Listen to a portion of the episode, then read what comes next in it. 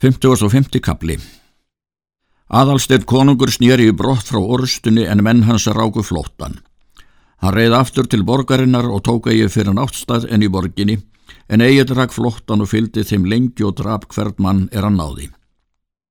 Síðan snýri hann aftur með sveitunga sína og fór þar til er orustan hafi verið og hittir þar Þórul bróður sinn látin. Hann tók upp lík hans og þó, bjóðum síðan sem seðvenja var til. Gróðu þeir þar gröf og settu Þórólf þar í með vopnum sínum öllum og klæðum. Síðan spendi Egil gullring á hvora hönd honum áður hann stildi við, hlóðu síðan grjótað og jósu að moldu. Þá hvað Egil vísum. Gekk sá svo óðig ekki jarlmanns bani snarla, þreglundar fellið þundar Þórólf í gnístórum, jörð grær en við verðum, vínu nær of mínu, Helnauð est það hilja harm á gætum barma. Og enn hvað hann? Valköstum hlóðku vestan, vang fyrr merki stangir, ótt var sél það sóttak aðgils bláum naðri, háði ungur við engla álreif þremu stála, heldin í hrannar sultu ringur á vatna þingi. Síðan fór Egil með sveit sína á fund aðalstins konungs og gekk þegar fyrir konungar hann satt við drikju. Þar var glaumur mikill og er konungur sá að Egil var inn komin þá mælti hann að rýma skildi pallin þann hinn óæðri fyrir þeim og mælti að Egil skildi setja þar í öndu í gengt konungi. Egil settist þar niður og skaut skildunu fyrir fætur sér. Hann hafði hjálm á höfði og lagði sverðið um knés sér og dró annað skeið til háls en þá skellti hann aftur sliðrin. Hann satt uppréttur og var gneptur mjög. Egil var mikill leitur, ennibreiður, brúnamikill, nefið ekki langt en ákálega digurt, granstæði vitt og langt, hakan breið furðulega og svo allt um kjálkana, hálstegur og herði mikill, svo að það bara af frá því sem aðrin menn voru. Harðleitur og grimlegur þá er hann var reyður.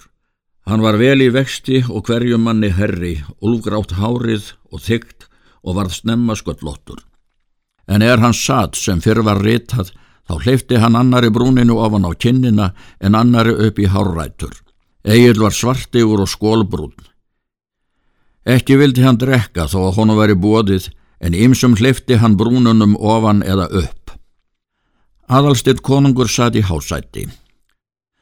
Hann lagði og sverðum knéssér og er þeir sátu svo um hríð, þá dró konungur sverðið úr slíðrum og tóku gullring af hendi sér, mikinn og góðan og dró á blóðurrefilinn, stóð upp og gekk á gólfið og rétti yfir eldin til Egils.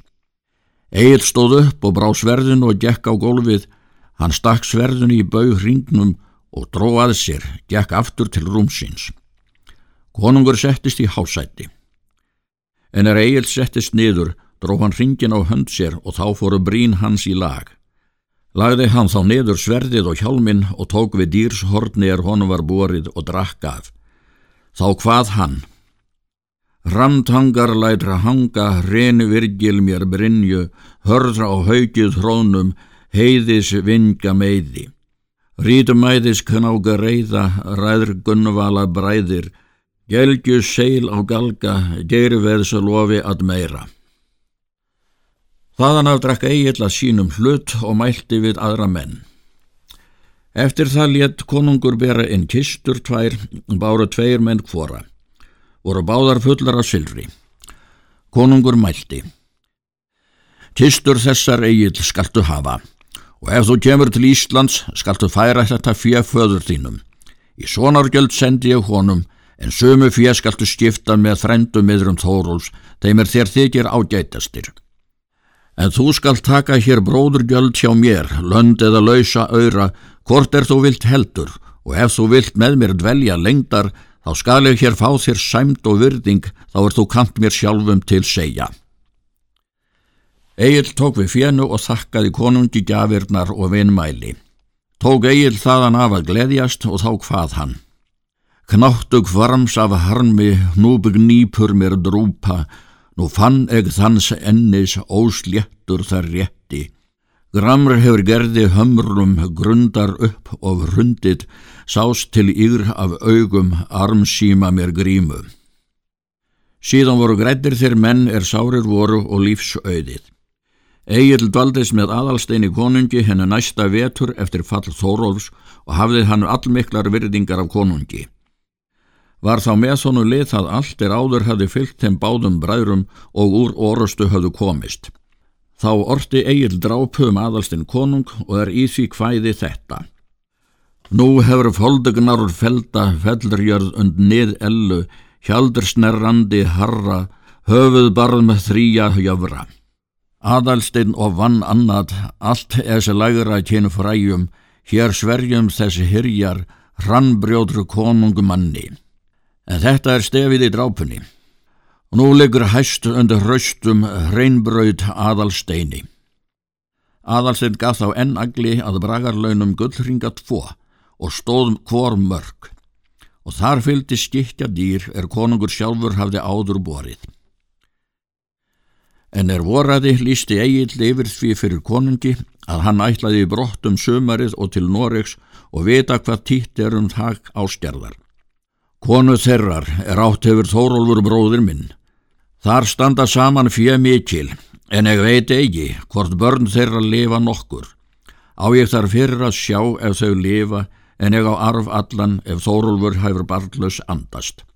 Konungur saði, það mun vera eigill á þínu forráði að fara hérðan á brott ef þú þykist eiga skildar erindi, en hinn veg þykir mér best að þú takir hér staðfestu með mér og slíka kosti sem þú vilt beigðast. Egil þakkaði konungi orð sín. Ég mun nú fara fyrst svo sem mér ber skilda til, En það er líkara að eg veti hinga þessa heita þá er eg kemst við. Konungur bað hans svo gera. Síðan bjóst Egil brott með liðis sínu en margt dvaldist eftir með konungi. Egil hafði eitt langskip mikið og þar á hundran manna eða vel svo. Og er hann var búinn ferðarsinnar og ber gaf, þá hjælt hann til hafs. Stildust þeir aðalstind konungur með mikilli vináttu. Bað hann Egil koma aftur sem skjótast. Egil hvað svo vera skildu. Síðan hjælt Egil til Noregs og er hann kom við land fór hann sem skindilegast inn í fjörðu. Hann spurði þau tíðindi að andaður var þórir hersir, en Arnbjörn hefði tekið við arfi og gerst lendur maður. Egil fór að funda Arnbjörnar og fekk þar góðar viðtökur. Bauð Arnbjörn honum þar að vera. Egil þekktist það, let hann setja upp skipið og vista lið en Arnbjörn tók við agli við tólta mann og var með honum um veturinn.